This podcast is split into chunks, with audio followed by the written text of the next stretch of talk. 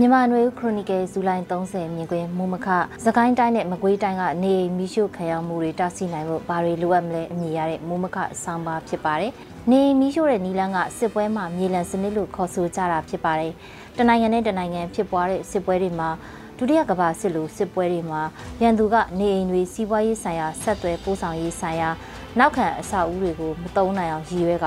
စစ်ဆုပ်ခွာတဲ့အခါဖျက်ဆီးပြီးဆုပ်ခွာရတာတွေလုပ်ခဲ့ကြတာဖြစ်ပါတယ်။ဟိုအတိတ်ကသမိုင်းတွေကိုပြန်ကြည့်ရင်တော့ရန်သူနယ်မြေတွေမြို့တွေသိမ်းယူပြီးတံမိုးရှိတာတွေယူဆောင်တာမြို့တွေဖျက်ဆီးတာတွေလုပ်ခဲ့ကြတာလွန်ခဲ့တဲ့ရာစုနှစ်3-4ခုလောက်နောက်ပြန်ကြည့်ရင်တွေ့ရမှာဖြစ်ပါတယ်။ဗမာဘရင်တွေယူရီးယားအယုဒ္ဓယကိုသိမ်းယူခဲ့စဉ်ကအလားတူမြေလံဖျက်ဆီးတာတွေလုပ်ခဲ့တယ်လို့သမိုင်းတွေမှာတွေ့ရပါတယ်။အခုဖြစ်ပျက်နေတာတွေကဗေဒသရခေတ်ကုံဆုံးပြီးနောက်အာဏာရှင်တဲ့ဒီမိုကရေစီအားပြိုင်မှုခေတ်ခေတ်သစ်လူအခွင့်အရေး လူသားဝါဒတွေတံမိုးထားကြတဲ့ခေတ်လိုမျိုးမှာမြေလံစနစ်ကိုပြည်တွင်းစစ်မှာသုံးနေကြတဲ့အဖြစ်မျိုးရင်ဆိုင်နေကြရတာပါ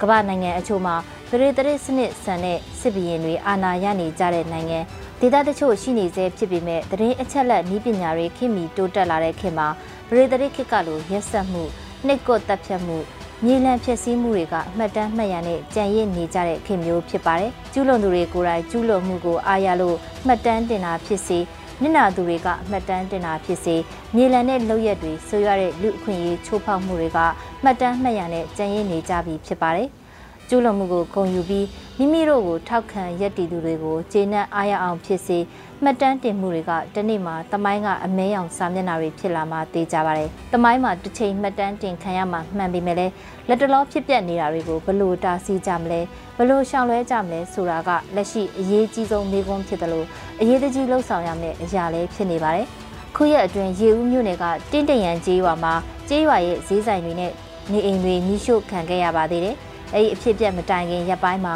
ရေဦးမြို့နယ်ကမီးမန်းကုန်းရွာမှာလည်းနေအိမ်တွေမီးရှို့ခံရပြီးအသက်အရွယ်ကြီးရင်သူအဖွားအိုတူမိတဲ့အသက်ဆုံးရှုံးခဲ့ရတယ်လို့သတင်းတွေပါရှိပါတယ်။အလားတူပဲမကွေးတိုင်းကမြိုင်မြို့နယ်ကလက်လုံရေနံတွင်းတွေကိုလည်းမကြခင်ကဖျက်ဆီးမိရှို့ခဲ့ပါသေးတယ်။ဒီရေနံတွင်းတွေကဒေသကာကွယ်ရေးအဖွဲ့တွေကိုအကောက်ပေးနေတယ်ဆိုတဲ့အကြောင်းကြောင့်မိရှို့ဖျက်ဆီးခဲ့တယ်လို့ယူဆကြပါတယ်။ ငွေကြေးအရင်းမြစ်နေပါပြီးစိုက်ပျိုးရေးနဲ့အသက်မွေးကြရတဲ့အထက်အညာဒေသမှာနေအိမ်တိမ်ကိုစောင့်နိုင်ဖို့အတွက်ဆယ်စုနှစ်တခုမကစုဆောင်းပြီးတိစောက်ထားကြရတာဖြစ်လို့အခုလိုနိုင်ပိုင်းအတွင်းနေအိမ်နဲ့အသုံးဆောင်တွေမိလောင်ပျက်စီးသွားတဲ့အဖြစ်ဟာကြီးမားတဲ့ဆုံးရှုံးမှုနဲ့ဘဝမှာနာကြီးပွေရာတန်ရာတန်ချက်တွေဖြစ်နေကြတာပါဒီလိုကြေးရွာတွေကိုမီးရှို့ခြင်းမခံရအောင်ဘလို့ကာကွယ်နိုင်မလဲဆိုတဲ့မိကွန်းကိုအခုထက်ပိုကြဲကြဲလောင်လောင်မင်းမြန်ကြဖို့လိုအပ်မယ်ထင်ပါတယ်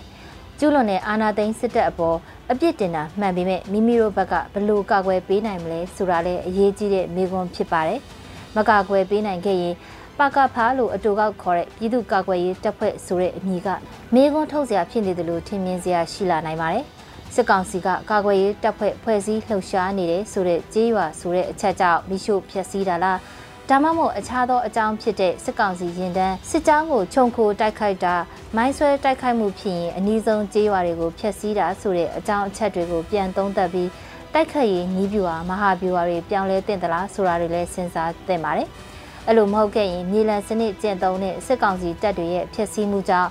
ကြေးရွာတွေကနေပိုင်ဆိုင်မှုရိတ်ခါတွေဆုံးရှုံးလာပြီးနောက် 6လအကြာဒါမှမဟုတ်တစ်နှစ်အကြာမှာကာကွယ်ရေးတပ်ဖွဲ့တွေကိုကြေးရွာနေလူထုကပံ့ပိုးကူညီနိုင်တဲ့အင်အားတွေပါခန်းချောက်လာနိုင်ကြလဲရှိနေတာဖြစ်ပါတယ်။မွန်ရွာခရိုင်ရွှေဘိုခရိုင်တွေကစိုက်ပျိုးထွက်ရှိတဲ့စံစပါးပဲနဲ့အခြားသောသီးနှံတွေကိုဗစ်ဖြစ်ပွားပြီးနေဆက်ကုန်သွယ်ရေးတွေလနဲ့နှစ်နဲ့ချီပိတ်ထားချိန်မှာကျဆင်းခဲ့တယ်လို့ကိုဗစ်ကပ်ဘေးပေါ်ထပ်ဆင့်လိုက်တဲ့စစ်အာဏာသိမ်းပြီးနိုင်ငံရေးမတည်ငြိမ်မှုမှာထပ်မံကျဆင်းခဲ့ရက အခုခါမှာတော့အဲ့ဒီနယ်တွေမှာကြေးရွာမီးရှို့ခံရတာတွေအသက်ဘေးလွတ်အောင်ဖမ်းဆီးမခံရအောင်တင်းရှောင်နေကြရတဲ့အခြေအနေတွေကြောင့်မဆိုင်ပြိုးနိုင်ကြတဲ့လေယာမြေတွေများလာနေပြီဖြစ်ပါတယ်။မြေရှိတဲ့သူတွေလည်းအလုသမားငှားဖို့မလွယ်ကူ။လောင်စာစီဈေးနှုန်းမြင့်တက်မှုမြေစီဈေးနှုန်းမြင့်တက်မှုတွေက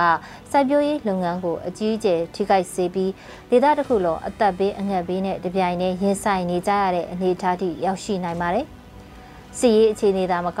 စီးပွားရေးအခြေအနေလည်းအဆိုးဆုံးဖြစ်လာရင်တော်လှန်ရေးအောင်မြင်ဖို့ပိုအလားလာနီးစပ်တယ်လို့လွဲမှားတဲ့ထင်မြင်ယူဆချက်တွေလည်းရှိကောင်းရှိနိုင်ပါတယ်။ဒါပေမဲ့ဒေသခံလူထုအနေနဲ့အသက်ရှင်သန်နေထိုင်ရေးနဲ့စားဝတ်နေရေးမရှိရင်နိုင်ငံရေးစီရေးကိုကူညီနိုင်ဖို့မလွယ်ကူဘူးဆိုတဲ့အချက်ကိုလည်းသတိပြုသင့်ပါတယ်။ကျွန်မຫນွေဦးလေးပြပါ။